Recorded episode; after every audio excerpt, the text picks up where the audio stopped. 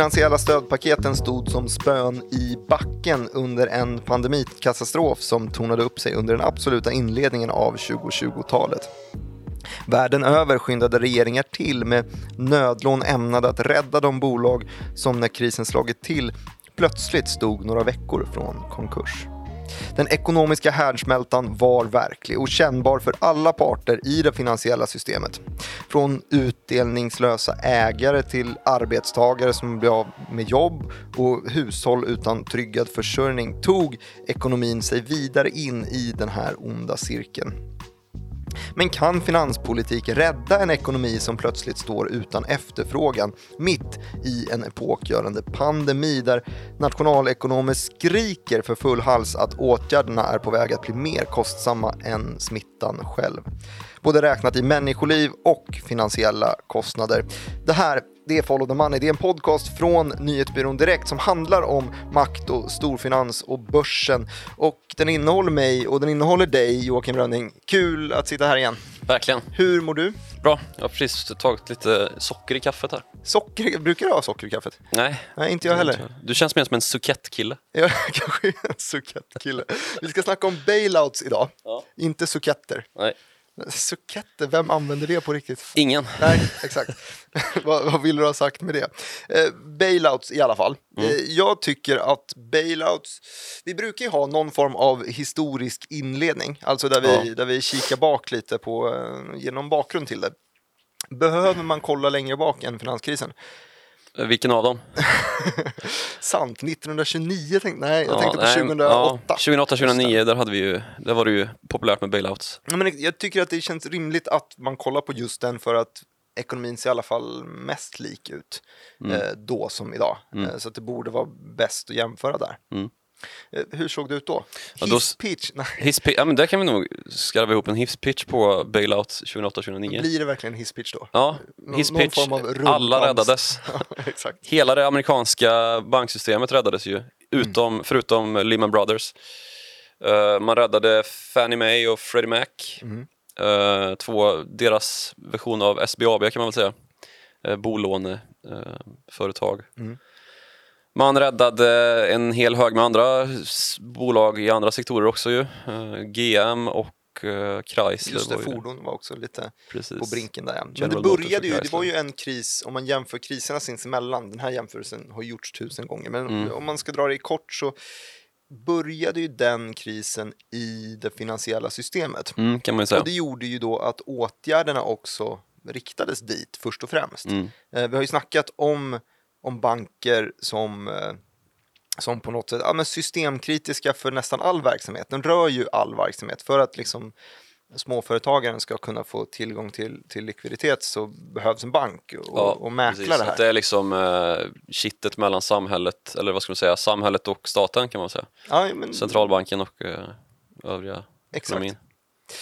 Eh, Så att om man då delar upp den här krisen 08 och kollar lite på de som har blivit räddade. För just nu pågår ju samma typ av diskussion. Vilka ska vi rädda? Vad är det värt att lägga skattemedel på? Och vilka ska få enligt något eh, darwinistiskt scenario Ja. bara, bara självdö och eh, kanske eh, ur ett fågel Fenix-scenario återuppstå så småningom. I bättre version. Ja, Precis. exakt.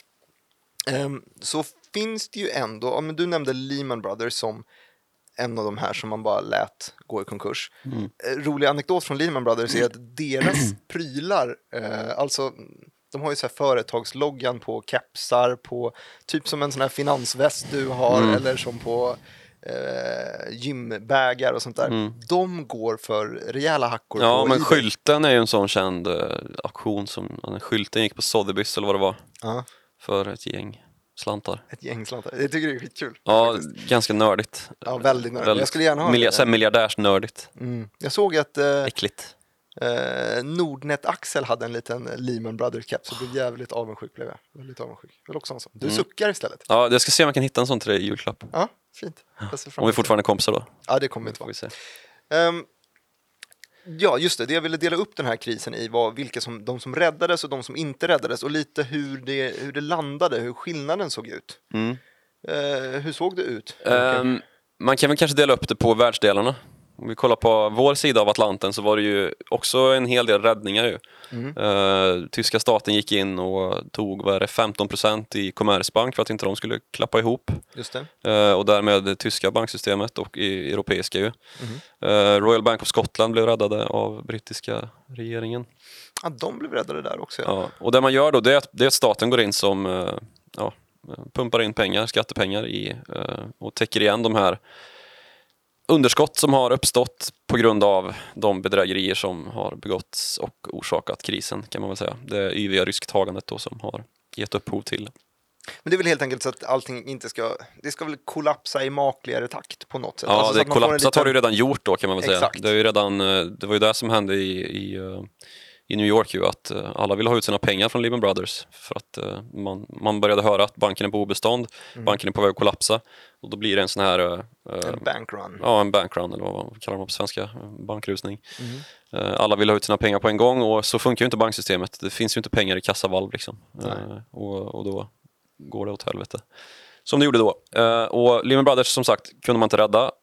Men man räddade i stort sett allt annat. Det var ju Hank Paulson som då var finansminister i USA eh, under krisen och Ben Bernanke då som var centralbankschef. Eh, De, var ju, de har ju fått bära det, ska man säga, under huvudet. Att de eh, ofta kallas det att de har kicked the can, can down the road, liksom att man bara har skjutit ett problem framför sig. Men exakt, man har Och tagit inte tagit itu Alvedon med för att Ja, stävja precis. symptom men inte fixat orsaken riktigt. Alvedon mot, ja precis. Mot, som ungefär lika rimligt som att ta räntesänkningar mot en viruspandemi. kan man säga. Ehm, Så man har inte, man har inte gått på det här systematiskt då, liksom, eller systematiskt, man har inte gått på det här ur ett systemkritiskt perspektiv. Eh, mer än att man har just sett det som att bankerna är så systemkritiska att ska vi kunna upprätthålla den här världsordningen som vi har bestämt oss för, då måste vi ha dem och då måste de fungera så som de alltid har fungerat eller som de fungerade innan krisen i princip. Sen så har man ju gjort vissa åtgärder då som banksektorn själva och bankchefer ofta eh, lyfter fram då Baselkrav och dylikt. Just det, Basel ja. Det, Mm. är- det är ju helt enkelt kortdraget så kan man säga att det är eh, kapitalkravbestämmelser. Det är helt enkelt eh, nationerna har gått ihop och sagt att okej, för att vi inte ska hamna i den här risktagande situationen som ledde, som var en bidragande faktor till eh, finanskrisen 2008-2009 så eh, ska bankerna ha visst antal Ja, eh, procent av sin kassa i, i cash helt enkelt. precis. Att man ska, man ska liksom eh, kunna försörja eh, sina eh, fasta kostnader i så hög utsträckning att om de rörliga kostnaderna skulle gå upp eh, så, så klarar man av det under en, under en ja, begränsad tid. Det finns olika liksom, steg i den här eh, Baselkravs... Ja, men exakt, trappan, den har ju men, verkligen eh, den har ju stegrat upp och vi Ja. är, befinner väl oss i Basel 3, iteration Ja, på väg, nummer 3. precis. Den inträffade vid nyår. Eh, Och det är, i kort så är det väl det också att det blir mer och mer skärpta krav Ja. och olika sätt att mäta risk på, inte de här vanliga eh, value at risk-modellerna utan man får blanda in lite annorlunda saker också. Ja, precis. man- Vilket kapital ska man räkna in i, i, i kapitalbasen så att säga. Exakt. Eh, och det finns ju motsvarigheter som är på lägre nivå. Uh, Dodd-Frank till exempel är ju en sån som, som är lite mer omfattande då kring eh, ja, hur man ska... Men den är väl eh, historia nästan 100 år, eller tänker på fel? Ja, Dodd-Frank är ju, den blev ju... Inte det efter 29-krisen som den Nå, Nej. det, det vet jag inte. jag Men ljuger kanske? Ja, jag, ljuger. tror, jag tror du ljuger. Ja. För eh, den, den har man ju i, i, liksom, i USA så har ju det lyfts fram som ett problem innan den här krisen kom. Mm. Att de här buffertkraven som, som eh, framförallt finansbolagen då har tvingats till Mm. genom Dodd-Frank-akten eller Dodd-Frank-lagen eh, som ju instiftades då för att det här inte skulle hända igen. Mm. Eh, att de är för hårda och att, eh, ja, att det ger en Men det, komparativ det är väl nackdel en för... naturlig grej för Självklart är det så. säga. Ja, absolut. Man vill ju tjäna mer pengar. Och då vill Ja, man precis. ha pengar Eh, och det är ju ett ja, frihetsälskande folk som gärna ser ner på eh, lagar, särskilt i vissa Apropå grenar. eh, frihetsälskande folk så eh, har ju de till exempel den här, inte alls apropå frihetsälskande folk, utan eh, jag läste om kapitalkrav precis innan vi satte oss nu så snurrade det förbi en artikel från, eller en analys från, från JP Morgan som hade analyserat um, hur länge olika branscher klarar sig utan uh, nya intäkter. Typ mm. som om en pandemi plötsligt skulle utbryta och man skulle stanna hemma och inte konsumera någonting. Sjukt om, det låter. Ja, väldigt sjukt. Om efterfrågan bara då skulle strypas, vilka ja. branscher klarar sig bäst och sämst och vilka eh, och hur, hur länge klarar de sig? Får jag gissa? Ja, gissa. Jag tror att de som klarar sig bäst är frisör, frisörerna. Frisörer klarar sig bäst, varför då? Nej, men... Eh, så att efterfrågan är så jäkla konstant, folk är måna om sitt utseende menar du? Ja, men sig, det är ganska kontracykliskt. Ja. Nej, det var inte dem. Jag tror att de är någonstans i, bland de sämre. Eh, för att de, som var sämst, de som enligt JP Morgan, då, jag gissar att de analyserat amerikanska marknaden här, mm. eh, var restauranger. De klarar sig i snitt 16 dagar efter att pengarna slutar strömma in. Mm. Och de som klarade sig bäst, det var kategorin, eh, kategorin eh, det var för att jag skulle säga real estate, eh, mm. som jag sluddrar på r ja, De klarade sig 47 dagar istället. Men ja. snittbranschen för medium to small size business är 27 dagar klarar man sig. Så det, man har en, en månadslön ungefär. Eh, det är väl typ likvärdigt med vad gemene man har också skulle jag väl kunna tro. Det tippar du på? Ja, ja. Nej, inte för att jag har det, jag är alldeles för dålig. Alldeles för dålig. Men jag har heller ingen månadslön att, att räkna med. Okay. Det går inte riktigt att bygga upp. Ja.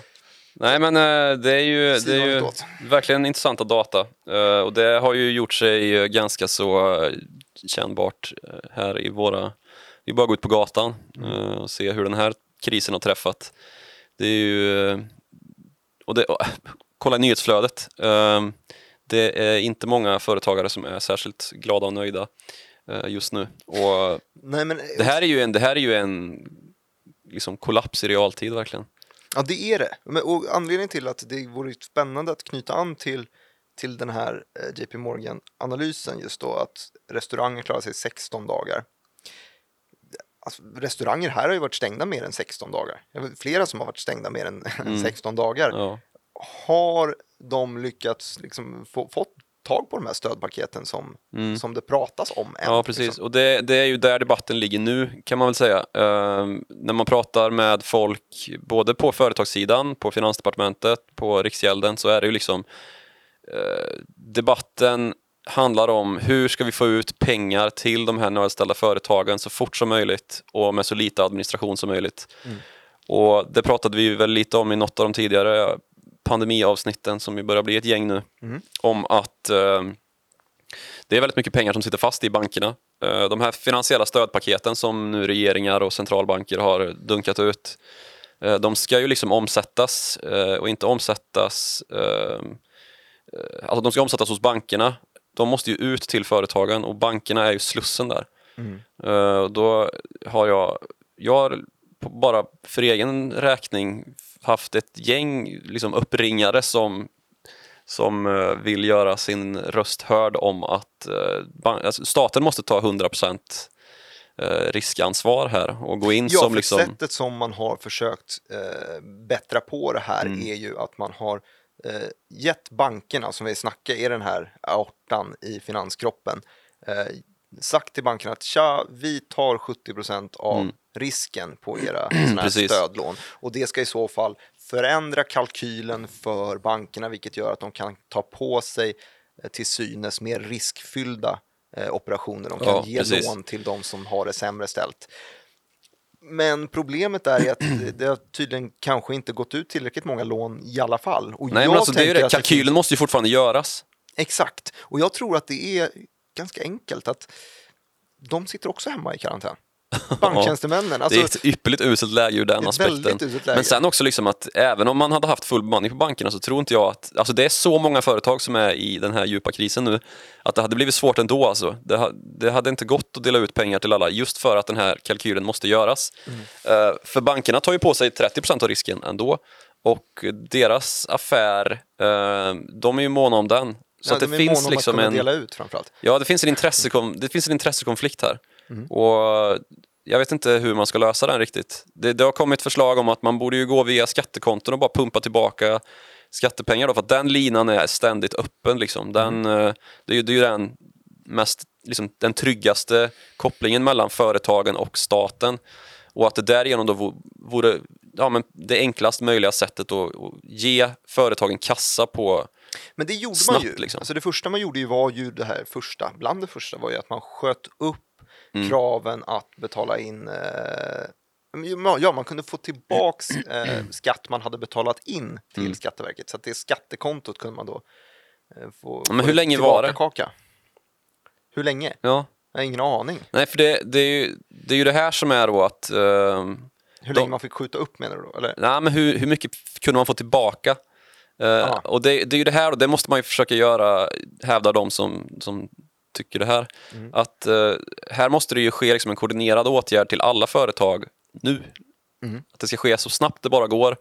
Eh, och att staten liksom har råd med det här för att vi har ganska jämförbart låg statsskuld och eh, ja, men om, man, om man dunkar ut de här hundratals miljarderna nu då, som man har, som man har eh, lovat att eh, liksom, vidta åtgärder med Mm. eh, och börjar liksom nyttja dem ut till företagen, då får de kassa och klarar sig. De kan, ehm, de kan betala sina anställda de löner de har rätt till, de behöver inte permittera i lika hög utsträckning. eh, eller ännu värre då, säga upp. Mm. Eh, för det här sker ju nu. Jag vet flera som har blivit av med sina jobb liksom, de här senaste veckorna. Mm. Vilket kanske inte, vi, vi är inte så Men- gravallvarliga i den här podden, men så- det är ju allvarligt. Liksom. Ja, verkligen. Vi har råd att vara grava allvarliga ibland. Eh, men vi pratade ju också här i inledningen om eh, att vi inte ville bli som, eller jag tolkade det som att du talade ner lite på Ben Bernanke till exempel som hade skjutit upp ett problem. Och jag pratade om Alvedon. Är det inte det man gör om man ska försöka rädda varenda företag? Ja, nej. Då måste man väl göra någon form av riskkalkyl så att rätt företag överlever i alla fall. Ja, men det är ju mer liksom om man ser på det här som, eh, som ett liksom realekonomiskt problem snarare än ett finansekonomiskt eh, problem. För förra gången då så var det en kris som uppstod inuti bankerna och det, det som alla är förbannade på eh, i det avseendet är ju att det var ingen som ställdes till svars för det. Och den här gången är det ju väldigt svårt att ställa någon till svars för att re realekonomin har kraschat. Vi har karantänsåtgärder som är för att stoppa ett, ett virus som tar död på människor. Så jag menar den uh, kick the can down the road-liknelsen tycker inte jag riktigt håller i det här fallet. Nu är det en gemensam fiende Ja, snarare. men här är det ju på riktigt. Den gången så var det ja, men bedräg, alltså kriminella som hade begått eh, ja, men bedrägerier på så stor skala att hela det finansiella systemet hotade att implodera. Liksom.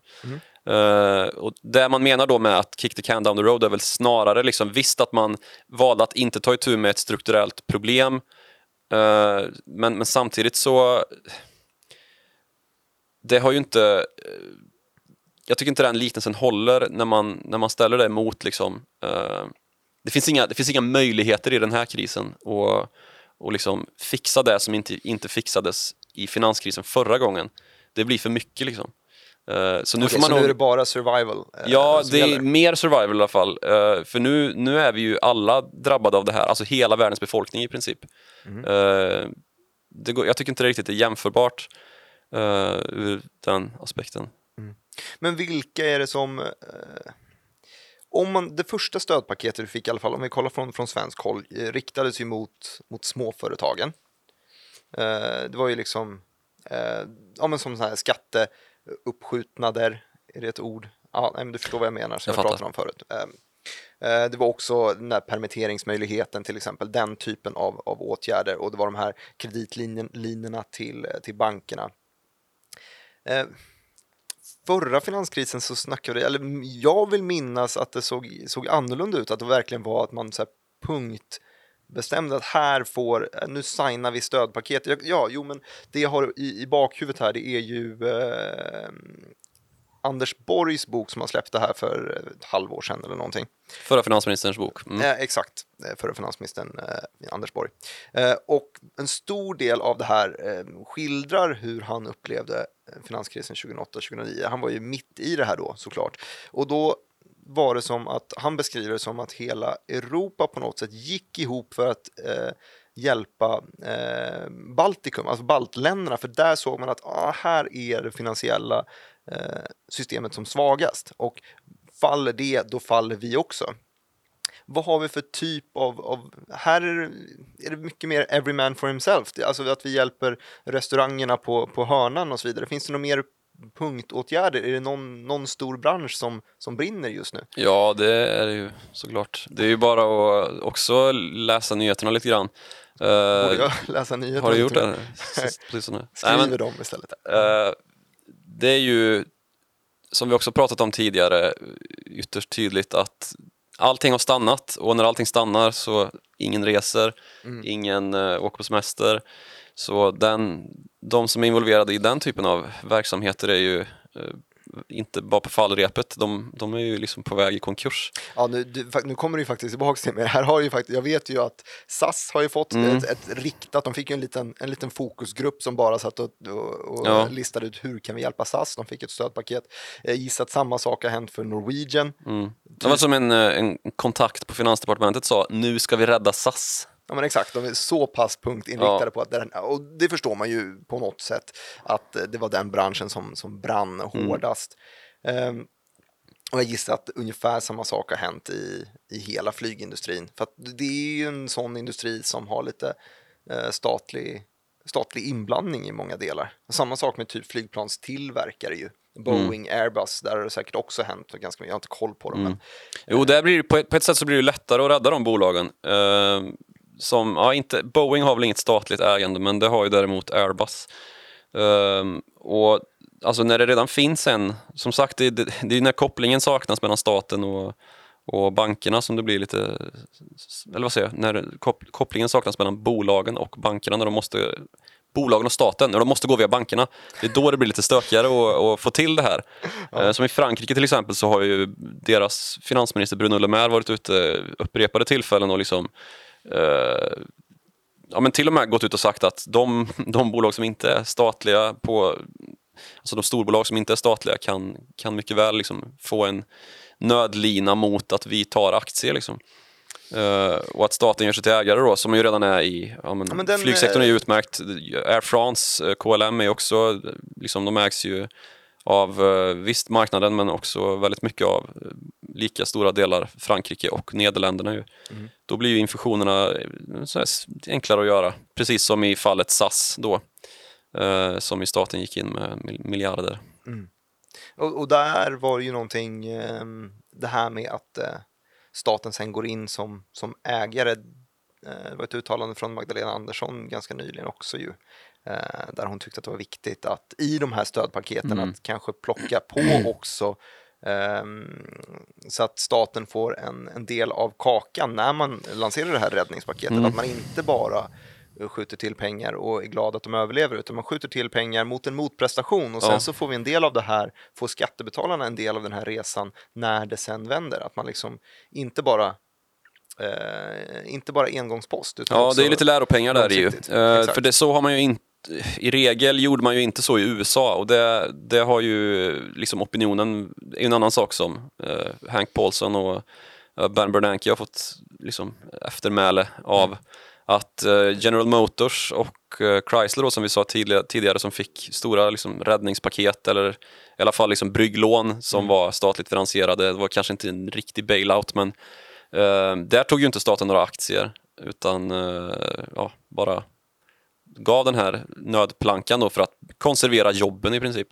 Och det är ju någonting som man har fått tillbaka i ansiktet i några presidentadministrationer nu att man inte ja, men såg till att eh, liksom, eh, ligga på om att få statliga ledningsposter och dylikt. Ja men det är ju hela den här grejen som är liksom som är lite too big to fail. Mm. Ja, men, men det finns det ju ett problem också för i vissa fall, även i den här krisen, så har det ju eh, visat sig att eh, bolagen är inte så sugna på det här med att bli, liksom få statliga...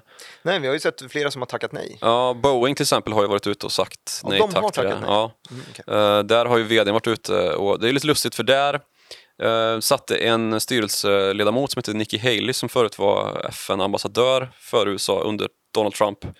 Eh, och det var bara, bara några dagar innan Boeing tackade nej till det här så, så var hon ute och uh, sa upp sig för att hon av ehm, eh, filosofiska skäl var den formella beskrivningen inte kunde eh, rättfärdiga att Boeing skulle ta skattebetalarnas pengar för att rädda sitt eget skinn. Efter dem. Det är ju det är inte bara en kris utan det, där har man ju staplat kriserna på varandra.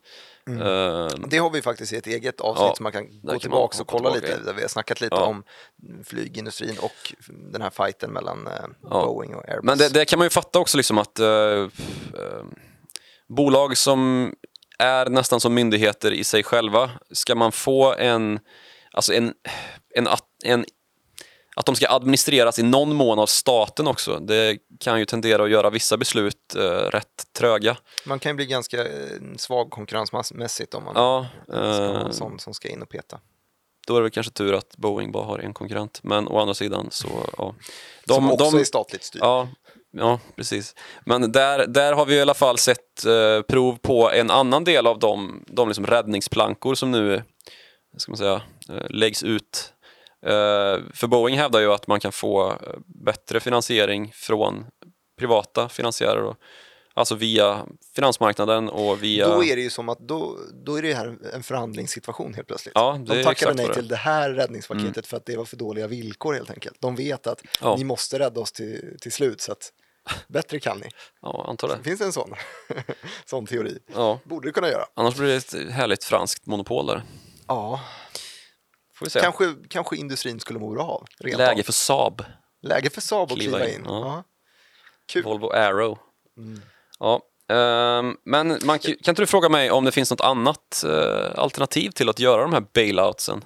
Eh, Joakim, finns det något annat alternativ till att göra de här bailoutsen? Tack för att du frågar. Mm. Har du hört talas om eh, i- den isländska bankkraschen? Ja, ja, och framförallt för att det var ju en, en krasch. Den fick Mm. äntligen krascha.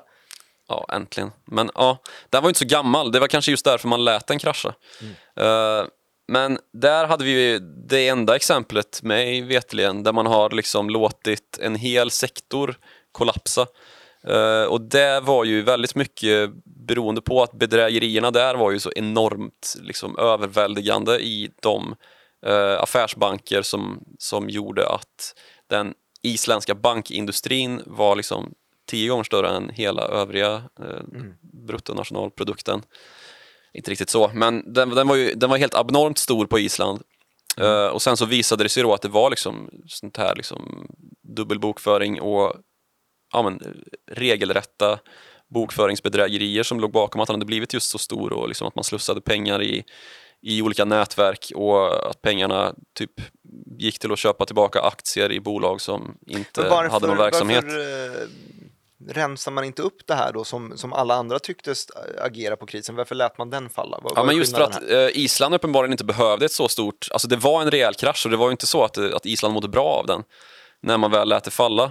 Men man, jag vet inte, alltså Island är ju dels här, det, det är en, eh, en ekonomi som inte var alls lika beroende av finansiella tjänster som, säg, USA och Storbritannien som liksom har ägnat sig åt att tvätta pengar sen bomullsplantagerna och slavhandeln.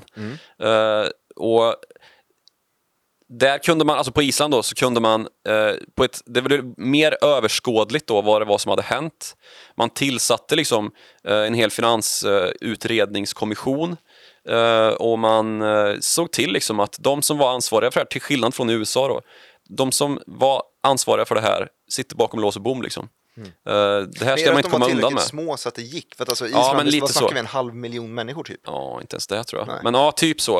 Eh, Men det här har ju fått konsekvenser för eh, ja, lite så här brain drain problematik uppe på Island. Vad, vad är brain drain för någonting? Det är när folk utbildar sig och flyttar någon annanstans. Ja. Eh, För att finanssektorn växte sig ju väldigt stor på väldigt kort tid. Alltså det, här snackar vi något tiotal år liksom, som, som den här banksektorn bara exploderade på Island. Det låter ju som eh, samma tempo som frackingindustrin som vi snackade om i förra avsnittet. Ja, typ en annan sektor som gladeligen skulle ta emot lite statliga stödåtgärder i nuläget. verkligen. Det skulle de. Eh, Fortsätt med Island. Ja, ehm, men det, det har ju då lett till att man har fått ställa om den här, eller ställa om, alltså den isländska finansindustrin består ju inte av de här liksom, jättemånga små affärsbankerna som, som eh, har en massa liksom, luftslott eh, som, som bara omsätter en massa pengar utan att göra någon nytta.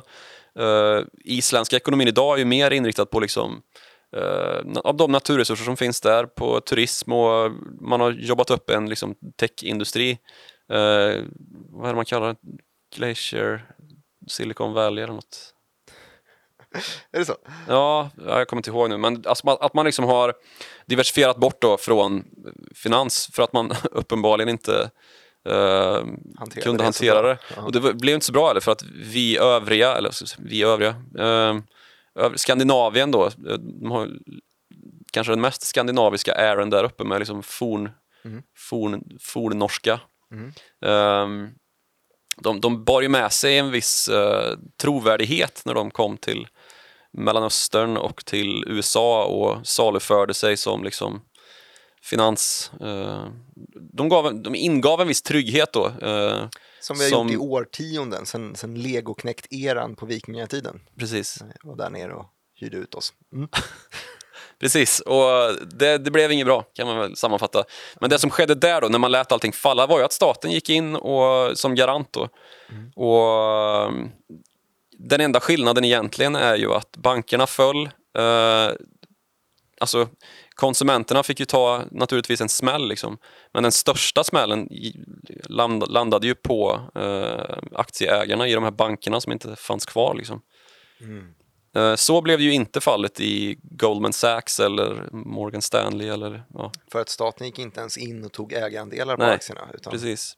Det blev liksom ingen Det blev bara en räddning eh, som kostade en massa pengar och mm. som eh, vi fortfarande fightas med eh, efterverkningarna av ju, den räddningen.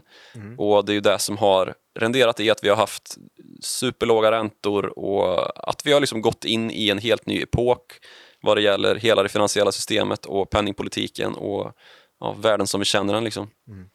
Um, ja, Island blev ju ganska utraderat, men jag har en, en koppling aktiemässigt i alla fall om vi ska ha någon eh, aktiekoppling här. Det är ju faktiskt snackat om, om flygindustrin till exempel och bankindustrin nu. Eh, men vi har ju då, visst heter de Arion Bank? Arion Bank, ja. Arion Bank som är både noterade här och där. Precis, och de kom ju till börsen eh, i Stockholm och i Reykjavik. Um, inte så länge sedan. Nej, 2018, 19 ja, sånt. Ja. Uh, just för att staten skulle avyttra, jag vet inte om det var hela, men en del av sitt ägarskap där. Ah, okay. uh, så en bank räddade man ju, men alltså någonstans över 90 procent är jag rätt säker på att av alla banker försvann på Island. Du, fler sektorer då, eh, som, eh, som har lite bailout... Eh, Bailout-vibb. Bailout-vibbar på, ja. på sektorer. Om vi, om vi kan bocka av hela flygindustrin, visst har ja, den det kan vi göra. Det... Den har punkt räddad. Eh, ja. Vad har vi mer? Um, alltså, det är ju väldigt mycket detaljhandel ju. Uh -huh. Modebolag som ligger rätt pyrt till. Ja, Venue Retail Group försvann ja, ju häromdagen. Gjorde, de gjorde det? Jag tror att det är de ja, som eh, de konkade. Ja, ja, en vecka sedan kanske. Ja, uh, jag vet inte hur. Men är du säker på det? Som är... De gick väl i någon sorts... Uh, ja, som inte det kanske rekonstruktion då? Ja, precis. Jag vet inte om de, de kanske klarade sig på kort sikt nu i alla fall. Men jag, jag har inte riktigt koll. Uh, det är de som har gjort mina skor förresten. Ja. ja, men exakt. De har ju skosektionen på NK till exempel. Ja, Rizzo har de också. Mm, just det. Och Morris också. Handskemakaren. Tror jag. Ja, nej, eh, osäker på hur, kanske jag ljugit igen. Det and, andra lögnen i ett och samma avsnitt om jag säger att de har konkat? Men rekonstruktion åtminstone. Vi kämpar på. Mm. Ja, de har, de har det kämpigt. Uh, H&M har ju ja, de har inte gått i konkurs. Nej, det har de inte gjort. Men de, de, de, har, de har det kämpigt. Ja, de har ju eh, nya nyheter nästan varje dag om ja. hur många som eh, blir, blir varslade i mm. olika delar av världen. Det är ju trist. Och jag gissar att typ Retails and Brands, alltså Brothers butikerna, att MQ har det rätt tufft också. Så den, den köper jag, men vadå, blir, blir det bailout på retail? Bailout, Venue Retail Group. Det känns, det känns osannolikt tycker jag. Ja. Nej, där ska vi inte snacka bailout kanske. Och det är ju precis som man inte snackar bailout när det gäller liksom uh, Evas mode i Sunne liksom mm. Värmlandskoppling. Uh, så, så är det ju liksom uh, inte fråga om bailout utan nödlån just. Uh, att, att bolagen ska få ta nödlån till låg eller ingen ränta. Mm. och det är inte så att staten går in och köper upp någonting. Ja, alltså, bailouts har ju mest varit för banker och det har man ju nu jobbat bort för att slippa just den här det här haveriet igen då som har varit eh, finanskrisen 2008-2009 och bankerna har ju fått de här buffertkraven på sig just för att ha någonting att liksom lösa ut nu och det har man ju gjort. Eh, men men eh, sektorer som är väldigt drabbade kanske vi ska snacka om istället. Ja, men vad har vi då? då? Vad, tänker du på? Hotellen? Mode. Mode? Nej, men alltså, man kan väl titta längre ner i, i kedjan. Liksom. Eh, modebranschen och retail i övrigt, de har ju butiker. Eh, och butikerna finns i eh, hus i stan. ah, du vill dra en fastighetskoppling? Där finns det ju en ganska klar koppling och den har vi också fått bevittna på i börskurser räknat de senaste veckorna. Ju. Mm. Eh, och där är det ju enorma osäkerheter just nu. Men de, eh, de mår ju bäst enligt analysen eh, JP Morgan. Eh, Ja, men alltså de klarar sig 47 ju. Dagar. De klarar sig ju, men eh, alltså Men det är också ganska långa kontrakt. PE-multiplarna, man- ja men PE-multiplarna där ser ju inte superroliga ut. Nej, just det. Det är där man har, alltså, det är gigantiska delar av företagsmodellen som består av Ja, finansieringskostnaden exakt. helt enkelt. Och marginalerna är väldigt, väldigt låga. Man spelar med väldigt låga marginaler eh, och långa kontrakt. Så tjänar man pengar på, på lång, lång tid istället för, ett, Ja, för den här precis. extrema lönsamheten. Och nu har vi haft den här liksom obligationsmarknadshärdsmältan också ju på eh, företagssidan. Mm. Som ju också har eh, kostat på, eh, bland annat för SBB. Mm. Eh, De har fallit mycket. De hade ju också en, en parabolisk eh, uppgång. Ja, Ilja Bataljans, väldigt eh, eh, populär företag. aktie. En väldigt populär herre som ligger bakom SBB ju Ilja Ja. Batljan. Han har vi Mm. båda träffat och pratat med. Ja. En väldigt eh, charmant herre. Jo, men han är karismatisk. Jag förstår att han har lyckats göra det. Han har gjort det med väldigt eh, starka förvärv egentligen. Ganska Ja. förvärvsdriven. Jo visst. Eh, alltså, men, men det är ju det, är ju det farliga då med, eller farliga, det, det är ju det. Ibland så kan man ju, inte som en bra journalist, men, men man kan förstå att en och annan småsparare blir liksom eh, blown away av en väldigt eh, karismatisk VD. Det, är någonting som eh, har hänt förr. Nu säger jag inte att Ilja Batljan är en... Nej, men det har varit en otrolig hype i hela den sektorn. Det har varit Alltså, en väldig hype, ja. Noteringen Det är väldigt tydligt. K-fastigheter, K-fast. Det Mm. var ju också en sån här superhypad notering. Det gick otroligt bra. Och det var ju lite det här skiftet ju från för några år sedan så var det bostadsutvecklarna som, Mm. som mådde otroligt bra. Vi snackar eh, Oscar Properties, Tobin Properties, SSM, Magnolia. SSM kanske aldrig riktigt har mått jättebra eh, när jag kommer att tänka på det här. Men i alla fall de, de som bygger bostäder och, och säljer dem, de hade ju Mm. ett katastrofår medan fastighetsbolagen hade ett rekordår här Mm. 2019. Eh, Så att det har varit ett skifte där. Pengarna har gått från bostadsutveckling till fastigheter Ja, istället. verkligen tydligt alltså. Och det har ju fått pryda, eh, liksom, det har ju blivit ansiktena av en epok som har gått i graven kan man väl säga. Mm. Alltså Oscar Properties, Oscar Engelbert då, som är grundare och VD där. Eller jag tror han är VD Mm. Okej. fortfarande. Ja, det är han. Eh, de tog ju in Peter Norman där, eh, före detta finansmarknadsministern, men jag tror att han är ordförande. Okej. Ehm, där liksom med innerstads Stockholms lyxbostäder liksom. Mm. Eh, som ju blev lite av konsekvensen då, den här hypen kring bostadsutvecklarna av den enorma boprisutveckling vi såg under 10-talet, eh, slutet 00-talet och 10-talet där ju ja, folk blev miljonärer på att ha på, på sin, liksom, om man hade tur och hade en förälder som köpte en studentlägenhet till en kanske 2006 Mm. Eh, och sen sålde den för två miljoner mer när man var klar med plugget. Eh, den, de ty- har det bra. den utvecklingen skapade ju mycket av den grogrund som blev de här bolagen. Jag missade ju det där. Du missade det? Ja, det var tufft faktiskt. Ja, kämpigt. Jag med. Mm. Sitter vi och är gladlynta.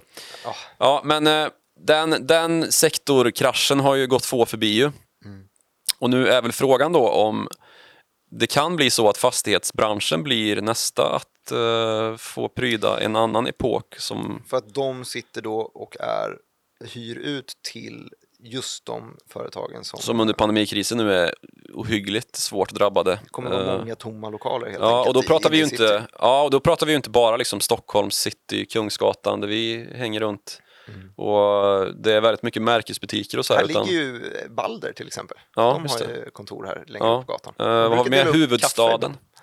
Ja, just det. Det var länge sedan nu. Ja, de har inte varit där Kanske sen en- coronakrisen startade. Men annars är de där nästan någon gång i veckan typ och delar ut. Jag brukar ta en kaffe där. Ja, det är bra Schysst. grejer. Eh, men huvudstaden, vad har vi mer för liksom, eh, fastighetsbolag? Det finns väl hur många som helst på börsen? Ja, det finns väldigt många. Catena är en som kommer till tanke här. Ja, logistikfastigheter grejer ju de med. Ja, det kanske inte är Eh. centrala. Atrium Ljungberg är det en. Ja. Det finns gott om dem i alla fall. Castellum. Castellum. Mm. Men eh, och då, vi behöver ju inte prata som sagt innerstad Stockholm och att eh, H&M klappar igen eh, sina butiker liksom, utan det, det, här, det här är ett problem som gäller för fastighetsinnehavare i stort som har just kommersiella fastigheter. Eh, när liksom Evas mode får klappa igen. Men du, är det inte de här också som, vi, vi snackade ju om att deras företagsmodell, deras affärsmodell är eh, väldigt kapitalintensiv. Mm. Eh, Ja, det- och- Sättet som man räddar branscher på nu är ju att man trycker ner räntor så mycket som möjligt. Man, eh, Riksbanken har ju till och med börjat, börjat köpa bostadsobligationer. Liksom, är det inte fastighetsbolagen som mår ganska bra av det här? Att kunna få tag på kapital ännu billigare nu? Jo, det är väl fullt möjligt. Eh, vi har ju inte sett det i aktiekurserna däremot, så det kanske är lite av ett tecken på att, vi, att det har varit ganska hypat. Men sen också liksom att, att, att eh, marknaden är fastlåst. Liksom. Det, det fick ju SBB känna på när eh, det här eh, var det Hemfosa eller Nyfosa, Nyfosa, va? Nyfosa förvärvet eh, inte riktigt gick i lås. Eller det klappade ihop. Eh, ett, de skulle sälja fastigheter för 8 miljarder. Men på grund av en, ja men den här kollapsen på fastighets, eller Då vill man avvakta med sådana affärer helt enkelt. ja precis, när uh, företagsobligationsmarknaden stod still. Eh, då blev det ju ingen affär där och det fick ju aktiekursen känna på rätt duktigt. Eh, så det, det är ju just den här, ska finansiella systemet fungera? Jo visst, då finns det säkert liksom, ja, grogrund för en stark fastighetsmarknadsutveckling. marknadsutveckling. Men det är ju också kopplat till liksom hur, eh, alltså har folk jobb? Det här är ju nästa del av krisen. Eh, hur, hur långvarig ska den här enorma arbetslösheten som vi plötsligt står med eh, vara? Liksom? Hur lång tid kommer det ta innan vi får upp eh, efterfrågan igen? Och det är ju direkt kopplat då till hur många företag som går i konkurs, alltså hur många kunder kommer fastighetsbolagen ha? Mm. Det är där någonstans vi landar i, i den långa delen av ekvationen. Så att, ja men exakt, så att eh, tungt belånade, men de klarar ju sig länge liksom. Ja, det, det det, fick är ingen veta. direkt eh, fastighetskris vi Nej, står då inför tycker kanske. jag men det är mer synd om, eh, vad sa du, eh, Maddes mode i Sunne. Jag tror jag sa Evas mode. Jaha okej, Jag vet inte om den finns, men jag hoppas det. Evas mode. Eh, Men någonting som väl också kanske har lyfts lite grann är ju eh, en annan del av sådana som är väldigt eh, ja, eh, beroende av finansieringsmöjligheter. Mhm. Nischbankerna. Aha, Där har vi ju en... Hoist Finance till exempel. Ja, eller TF Bank och Collector. Jaha, Hoist och- Finance är mer intrumhållet, tänker du, köpa fakturor kanske. Mm, ja, fortsätt. Ja, och- där har vi ju ett, ett enormt potentiellt problem ju. Med just det stora eh, makroekonomiska variabeln i det här med att folk blir av med sina jobb. Eh, om man då ponerar att den här skuldökningen eh, som har skett via liksom konsumentkrediter, eh, att, den, att den har liksom kunnat byggas på med hjälp av att det finns så många aktörer i det här, liksom Bynk och alltså det som en gång var smsa låna, Ja, därif, där, därifrån och framåt. Liksom. Eh, att man har kunnat rulla liksom konsumentkrediter framför sig, eh, liksom fylla igen ett lån med ett annat nästan. Men där har vi ju sett faktiskt eh, ganska mycket åtgärder, i alla fall på andra ställen i andra, andra delar av Europa har strypt möjligheten att ta sådana lån. De har helt enkelt, eh, det jag tänker på i, i Spanien nu, jag läste en nyhet om att eh, att man till exempel förbjuder reklam för, eh, för gambling Mm. och att man ska göra det svårare för folk att ja, men typ sms-låna för att man ska inte Mm. bli lockad till att försöka antingen spela sig ut Mm. en, en svår ekonomisk Ja. situation eller låna, bynka sig ur en, liksom, betala hyran med bynk känns jäkligt Ja, det är lite dumt. sketchy. Räntan är nog hög.